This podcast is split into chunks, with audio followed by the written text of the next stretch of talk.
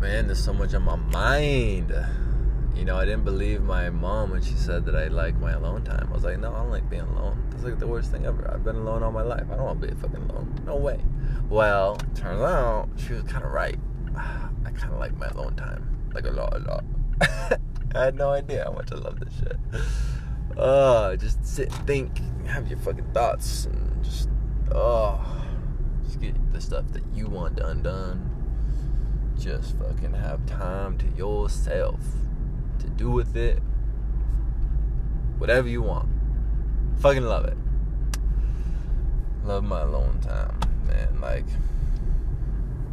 right now I'm thinking this motherfucker from me needs to learn how to drive he's fucking all over the road man there was some cones like I get it but like you're supposed to just kind of go around the cone you know and get back in your lane and this motherfucker was going in and out and in and out and in and out and I'm like what the fuck are you doing man uh, and they're going like 20 miles an hour the whole way Jesus I just noticed that oh my fucking god they were going like 25 I got like a line behind me I got a motherfucking line oh my god that's fucking funny little choo choo train action over here man fucking got a motherfucking line Oh. vehicle they just turned off though so uh, oh my god man yeah jeez my girlfriend right now she's wearing me out she's wearing me out it's all in a good way well it's in a way but most of it is good but god damn, she is wearing me out. I need my little dumb. That's for sure. She's like pushing me to my extremes and it's amazing. I love it. It's like growth. I'm like going through growing pains right now. It feels so good. Oh, I love it. I fucking love it. But I also like my little alone time. I wonder if I get bald, huh? You think I'm gonna get bald? I might be moving to fucking white. I might not ever have another alone day again. oh man. How fucking funny. How fucking funny, huh?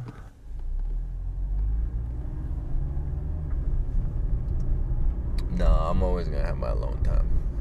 Ain't nobody gonna steal that from me. Ain't nobody. That's for sure. Man, there were so many interesting things I wanted to talk about. What the fuck were they? Ah. oh my god, man. Mm. Oh yeah, here's one. Here's a. Now I'm driving all over the road trying to fucking. But I'm out in the middle of nowhere. They were fucking right in town, dude. Like, when you come out on these country roads, like, you can fuck around a little bit. Like, not really, but, like, if there's no corners coming up or whatever, like, you could put your knee on the wheel and fucking get a drink. Like, yeah. yeah, I guess. I don't fucking know. but anyways, um, I might be selling some multi-level marketing shit. it's gonna be fucking crazy, man. I never thought I'd get in that game. oh my god. And the good news is I think it's gonna actually work. I think it's gonna be beneficial. It's something I can get behind. It's fucking good shit, man. It's good shit, man. Oh. Cool, dude. It's a product I could get behind. That's like the biggest thing. It is a little expensive, but fuck, motherfucker. I'm selling it. Like, got a little markup. That just makes sense, man. and I don't even think it's that much more expensive. oh, compared to, like, for what you get, it's really, like, not too bad. And I love it because they're all about the points and the discounts. And it's, like, fun. It's, like, fun to, like... I'm like excited to work with them. It's like fun to buy from them. they make it like super cool and interesting and like you want to be a part of it i love it i love that shit that's progress man when you can think of something as cool as that like fuck yeah i'm all about it fuck yeah i'll get behind it even if it's a fucking mlm pyramid motherfucking scheme ah. that multi-level marketing is like a good concept for a marketing idea though so like it makes sense it's just it took a while because it was such a good idea it took a while for companies to live up to that standard like it's such a good idea of course a bunch of scammers are gonna fucking get their foot in there and like steal millions from people but like it's such a good idea you can't just like let it go fuck you gotta improve it and i think purium fucking made it what it probably should be which is cool. That's something to be proud of. But man, you know how many times I'm gonna have to justify that shit to motherfuckers? I'm gonna be like, yo, motherfucker, I sell pure yo. You want bow? You want bow? Hey, you want bow? Everybody want bow? Everyone want motherfucker bow my pure yo? oh my god, it's fucking funny. Ah. Woo. Yeah, and then I'm also gonna have my trank business selling digital courses. I'm selling a course about me selling Purium, which will help me sell more Purium to sell my course. it all fucking works, motherfucker. It all works, and it's so dope. And I'm gonna be able to meet cool people, and I'm gonna be fucking wealthy, hopefully, and a little famous, hopefully, and like a little fucking having a good time, hopefully. Hopefully it's a good fucking thing, man. I'm like really hoping this world hangs on so I can fucking enjoy a good life. Cause I'm gonna fuck it out one if this shit don't fall apart. Oh my god, that's so fucking funny. I don't know. I don't think I got a choice but to live a good life. If I if I'm not living a good life, I'm gonna fucking shoot myself. So, ooh, I can't say that anymore. Ooh, oh, that's another deep. Oh, that's deep though. I don't know. I want to go there. Ooh, I don't know. Maybe I kind of want to go there. Oh, exhaust shit hit me like. Oh yeah, no shit. No shit, girl. It's fucking hit me like a train, too. She texted me, exhaustion hit me like a train. Yeah. That's why I'm fucking telling you. We got to sleep. She don't want to sleep. I'm falling asleep at like 2, 3 in the morning. I'm like, mom, it's, my, it's bad my bedtime. It's bad my bedtime right now, motherfucker. I got to sleep. I got, I got insomnia. I got a lot of work I need to put in to this motherfucking sleep so I can get it. Ah. uh.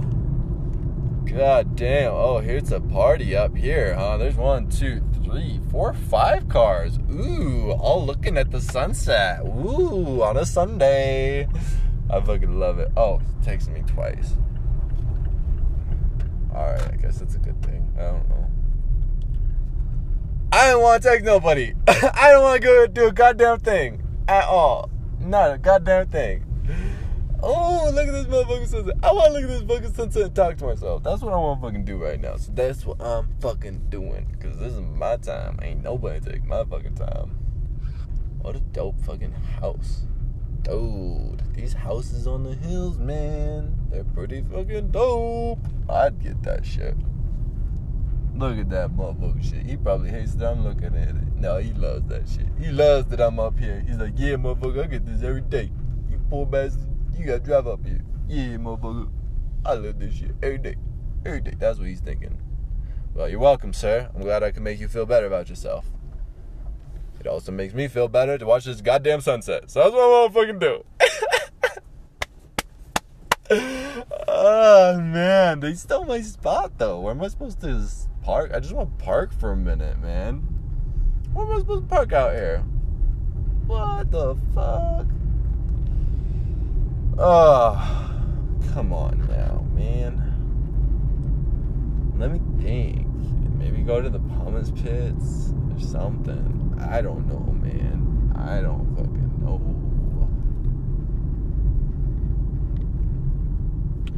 Um, no, that ain't it. Goddamn, man. Maybe I'll fucking just کیٚنٛہہ فوٚل up تہِ فرق نہٕ فرق like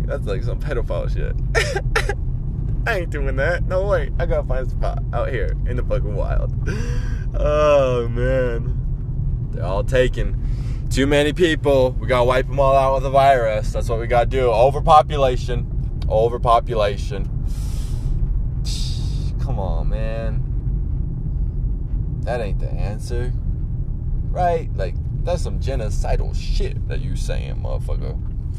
I don't take that shit lightly, man. I don't take that shit lightly. And I used to say that shit all the time. Survival of the fittest. That's why That's why the world ain't better. Because we don't live by survival of the fittest anymore. I used to say that shit like goddamn fucking cunt. little fucking... Little fucking cunt face. Why are you saying that shit? because I didn't get it. I didn't know. I didn't understand what you're talking about when you say survival of the fittest. Like, it's a very disturbing idea if you want to go down that road. Oh, we were already on one road. The gun road. Ooh, ooh, which one do I want to do? Left or right? Hey, go figure. I got to pick left or right right now. But I'm picking left. And I always skid out. Because there's... Why the fuck, with all this money, do these motherfuckers not sweep up their gravel? Like, listen. I'm going so slow. Oh, All right, I guess you can't go slow enough. I didn't skid out that time. Oh, but it is a little ridiculous. I was going pretty fucking slow. And that's a blind corner. Man, motherfuckers coming over top of that so fast. You can't see them. You got to fucking move. And I am sitting on my ass skidding around. Fucking wheels, no traction. Er, er, er, and this motherfucker's going because he lives up on the hill and he's in a fucking hurry to fuck his trophy wife. And he's got the gas pedal on his F-250 5,000. And this motherfucker's going around the corner. And guess who's there? Skinning his little ass. Er, er, er, me, motherfucker. And I'm on kill side. So guess who's fucking dead? Me. Just because little gravel, man. Just because little gravel. In a big truck. And a rich man. And sexy woman. And a lot of things. A lot of things would have to happen for that to happen. But, you know, that's the type of shit I think of. In case now fig favourite like pheran لَک ویٖٹ فیرنو like that like different کَہَن فیرنو فیَرنٲیِٹ is really like more like her way figure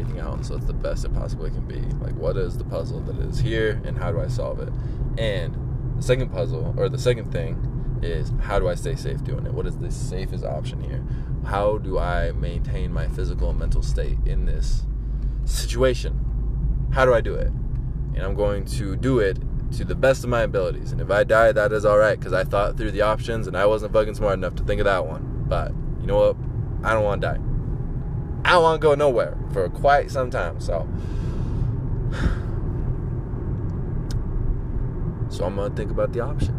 don't think about anything that could possibly happen. But then again, I get blindsided every fucking day. So what's the goddamn point? oh, I can't plan a goddamn thing. I can't plan what I'm having for fucking dinner. Oh my god. Oh, so fucking ironic, huh? life. Yeah. All right. I guess I'm ready to go down a little dark road. Let's go down that road. All right. So, so I went and got myself a little uh, Glock, not millimeter, keep little gun. It's fucking perfect. So I can still carry if I need, if I want, at any point in time. Or it's a little fun pistol to learn on. It's a good first gun. That's what that is. It's a good first gun. But I have had a history we for three years very very super so way like گنڈ مےٚ یَس بِکنو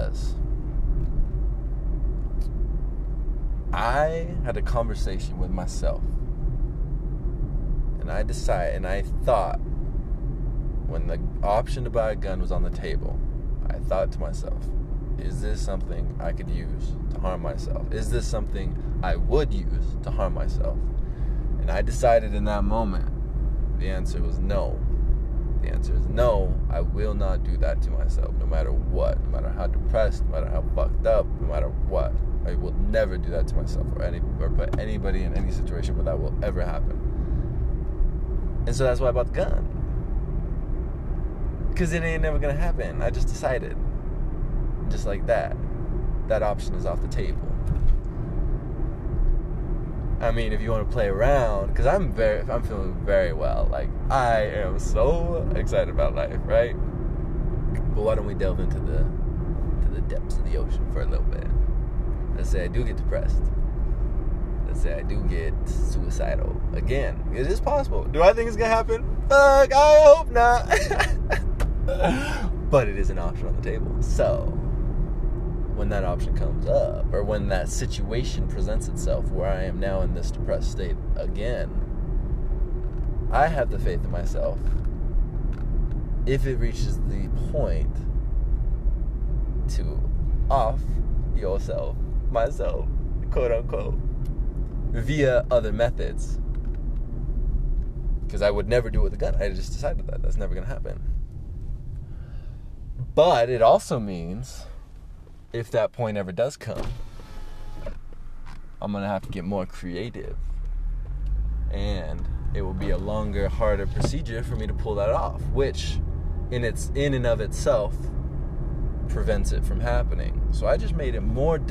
for myself to harm gun that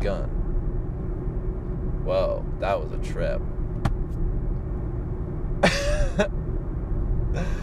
and I fucking love that thing. I'm getting a new trigger. God damn it. The guy that sold me the gun, he let me shoot his gun. We paid for some lessons. All the, We did the whole thing. I'm buying a gun. I'm being fucking legit about this shit. But after a little bit, he let us shoot his gun, and he had a modified trigger, and god damn, that felt good. Well, other thing he had on his gun was the rough grip. when I felt the rough grip on the pistol, I thought, mm, I'm not going to like this. This is too much. I don't get the purpose. It's going to be scraping me all the time. I'm going to have cuts all over me. My elbows and shit. What the fuck are you doing with your gun on your elbow? That was such a stupid thought. Such a stupid thought. I should have got the one with the roughed up shit on the side. Because when I shot his gun, my that gun did not move in my hand. That thing was solid. That thing was solid. And I liked it. But I also liked it because his was worn down quite a bit. So that's like a growing pain that I'd have to put up with. I should have got it. I should have got the other gun. That's basically what I'm saying. uh, but I'm going to get the modified Joku. and a Glock 9mm. You can't go You can't go wrong with the Glock 9mm. I'll get the other gun next time. Yeah, I actually think I'm going to have this. If I ever find wealth, I'm gonna have it be a hobby of mine to collect pistols and shotguns. Those are my favorite. Those are my favorite kind of shooting. God, it's so fucking nice on here. I'm gonna fucking drive out here with the windows down. What the fuck am I got my windows up for, huh? What the fuck I got my windows up for? If you breathe out here, breathe out here. But you can't talk. That's why the windows were up. I was concerned it would muffle my fucking voice. That's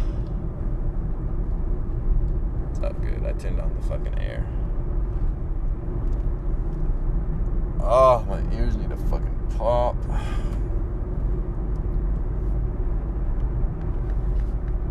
Oh, I can't wait to go take... I left my fucking pistol at my girlfriend's house in Blackfoot. And I was like, on purpose. I thought it'd be a better place to have it there. And now I don't have it, and now I'm like, fuck, I wish I could go shoot one right now. Up at Taylor Mountain, right there. Boom, boom. That would be so fucking fun, man. And I'm getting a little good. I'm getting better. I fucking suck, but I'm getting better. And I like that. It's like addicting to me. I'm, I like getting better at shit.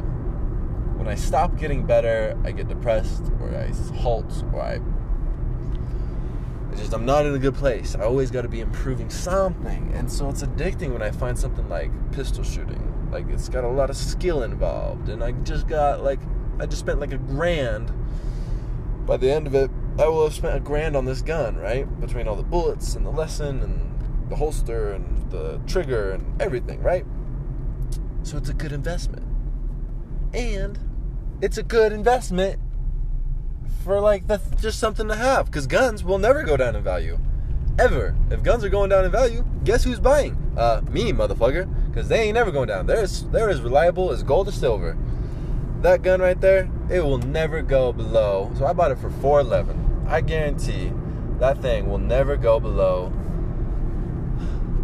370 370 for a glock 9 millimeter you fucking kidding me that's a deal motherfucker no way no way. So it's a good investment to have. And I got the modified trigger. Now that's not a good investment. That's that's me playing, right? Like the Glock 9 millimeter is what you gotta have. But as soon as you start adding attachments and this and that, well then your value depreciates quite rapidly. In most cases, in some cases, it can actually appreciate it. I know motherfuckers who do this shit for a living on rifles.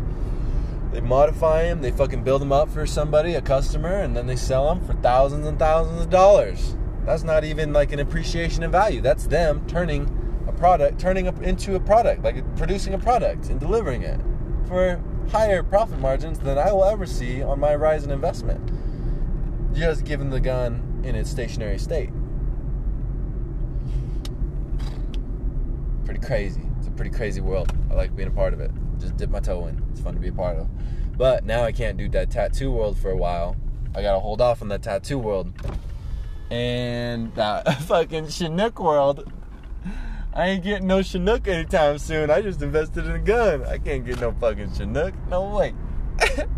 so that was my choice. Those are the three options on the table. And uh, you know, getting a tattoo right now. It's pretty fucking ridiculously hard with this whole COVID shit. So, you can't even get a fucking tattoo nowadays, man. Can't even get a fucking tattoo nowadays, man. Oh, they just pulling off. Oh, they just get behind me? Oh, they're flipping around. That's what they're doing. I was like, the fuck are you doing? Get behind me. Pulling over to get by me. The fuck are you, what, what, what? Well, why? That guy. That guy. Well, why? Oh, ah, man.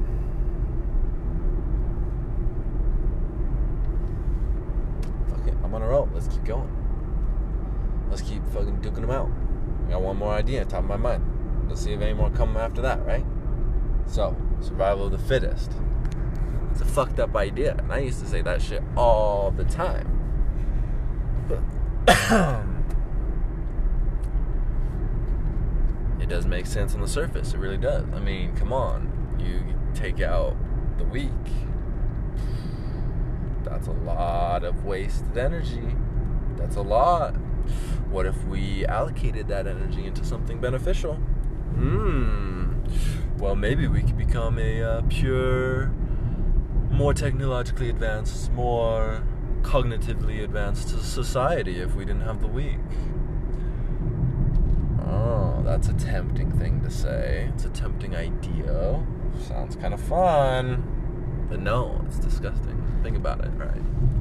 Essentially what you're saying is, in this unequal playing field called life, where there are winners and losers, you think because you were a winner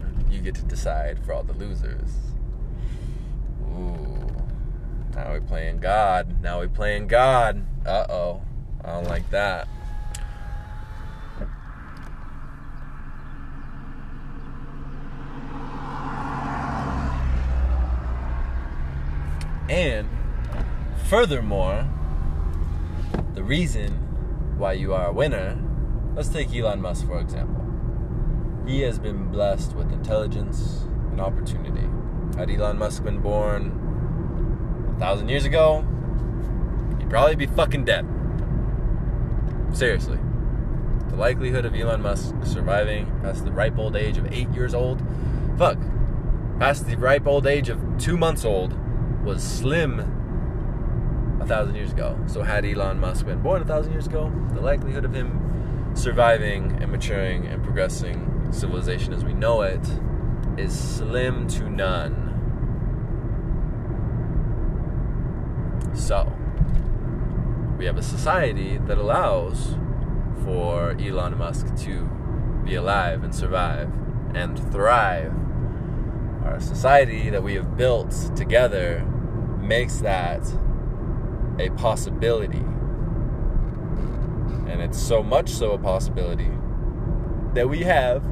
ڈر the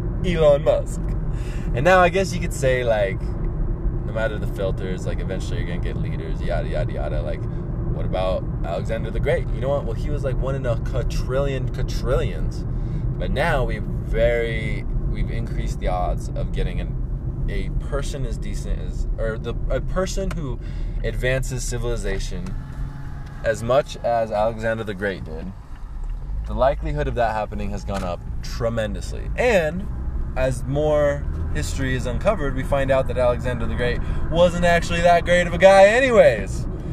You know what I mean? I mean, he fucking died from alcoholism, most likely, or poison or some crazy shit, and he conquered, like, most of the world. And, like, hey, I applaud him for it. If I was him, I'd do the same fucking thing. I would. Not gonna lie. If I was Alexander the Great, do the same motherfucking thing. What else are you gonna do? What else are you gonna do? You know, you ain't gonna get a name like Great if you just fucking not conquering. Come on, man. Conquest is in our blood. You gotta fucking conquer. And if you Alexander the Great, you get the greatest army the ancient world might have ever seen. At least top five. Well, motherfucker, what, you gonna go Buddha on me? You get handed one of the greatest ancient armies of all time, and you gonna go Buddha on me? Come on, get the fuck out of here. Get the fuck out of here. No way. No way.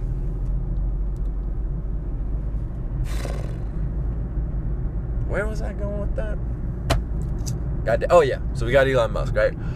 because we live in a society increase that we also grey increase the out somebody being born with defect or with something requires them to need ایٚسٹین there in positive on the world, they need assistance in like a statistical manner. We can talk about how they are actually net positive and how taking care of those people actually does extend life.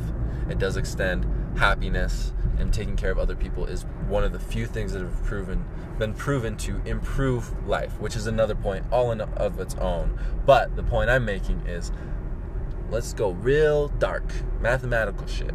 Let's say, you know, 1 death is a tragedy, 1 million is a fucking statistic. Let's get statistical, right? Let's say a person is born right, with a net zero, with a net negative. Should that person be killed off because they are a net negative on society? And my argument is no. For the sole reason that, at least today's day and age, we have increased the odds of both things happening. of Elon Musk becoming possible and of somebody surviving past the age of two with one of these disabilities. So it is our moral obligation, not even that, maybe even more than moral obligation, it's just, you just have to do it. Like if you don't do it, like you're a really shitty civilization. You're kind of like a bunch of cunts. You're a cunty civilization if you don't do it. I don't want to be a cunty civilization. you know what I mean? if you don't fucking take care of these people. Like, that's some real cunty shit. uh,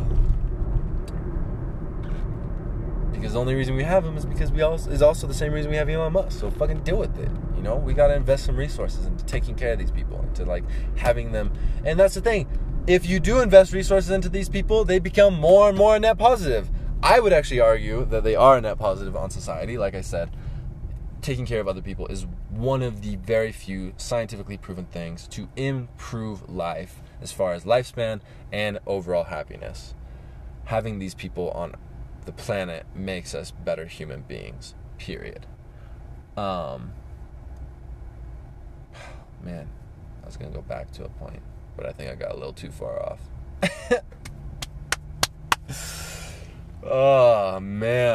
pretty crazy idea though i don't think a lot of people think about that shit you know like hmm it's kind of interesting it's kind of fucking interesting and i thought about it because i studied hitler and i realized i had it i used to fucking say that shit i used to uh that's where racism comes from oh there's a cool point that's where fucking racism comes from is the disgust sensitivity in people so you learn how to lower that and all of a sudden people are less racist nobody's talking about that you want less racists in society Well, lower disgust sensitivity. Don't make everybody so fucking sterile all the time. Actually teach in civilization, in educational upbringings, that being exposed to the elements and testing your body is actually healthy for you. And your disgust, your disgust sensitivity will lower. And with that, racism will probably, if you get it low enough, cease to exist. Ta-da! I was going to go, but that wasn't a joke. What's like a point? That's making a point. That's the drum roll for making a point. Boom. So you want to fix racism? Fucking teach people to not be so fucking disgusted with everything, man. it's a pretty fucking crazy idea, but I think it is actually true. I think it actually is fucking true. I think that is actually like a true statement, which is fucking crazy. God damn. That's so wild, man. That's so wild. Oh, fuck. I need to fucking stretch. I've been working my body out, man. My body. I've got some fucking... See, I was usually... Okay, so this is a cool idea. So, usually, when I'm in these modes it's a little darker and I'm usually smoking or drinking, you know, something with some sugar in it or I'm eating unhealthy or whatever. Well, now my mood has increased. And guess who's drinking some fucking allure water, this aloe water? Well, I am. And guess who's not smoking cigarettes? I'm not. Mmm. I kind of really don't want one. But I have the willpower to say no. I literally was going to buy some. I was like, oh, you know what I want? A goddamn cigarette. Because I got some motherfucking alone time. And in the past, with my alone time, what do I do? I smoke a motherfucking cigarette. It makes me feel good, right? Well, I had the willpower because of my health, both physically and mentally, to say no. Whoa, that's a trippy idea.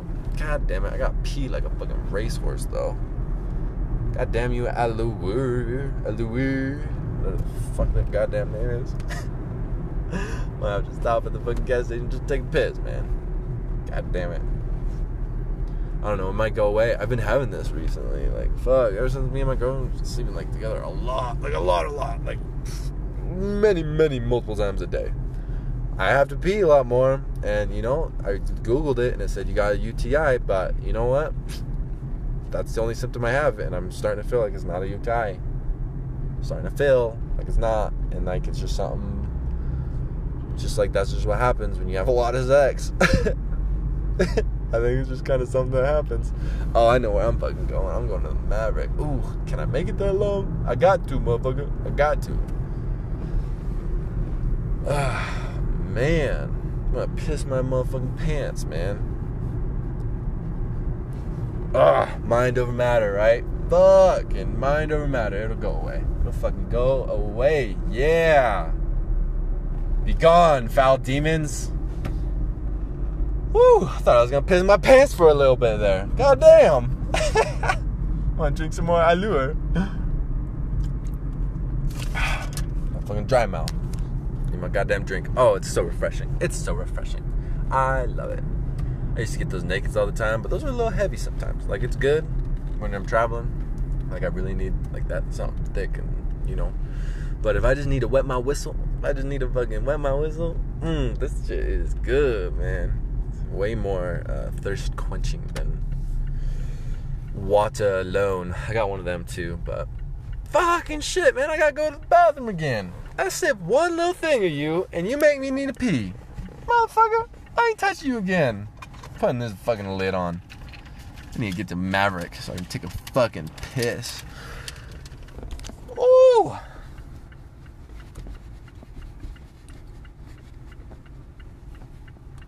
this will probably go away too. I can feel it. It's getting worse and worse, but I can feel it. This one's gonna go away too. Oh, man.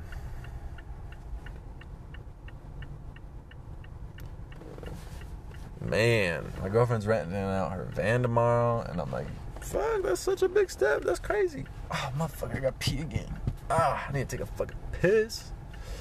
All right, I ain't talking no more. I'm gonna take a motherfucking piss. If I want to get back on here, I will.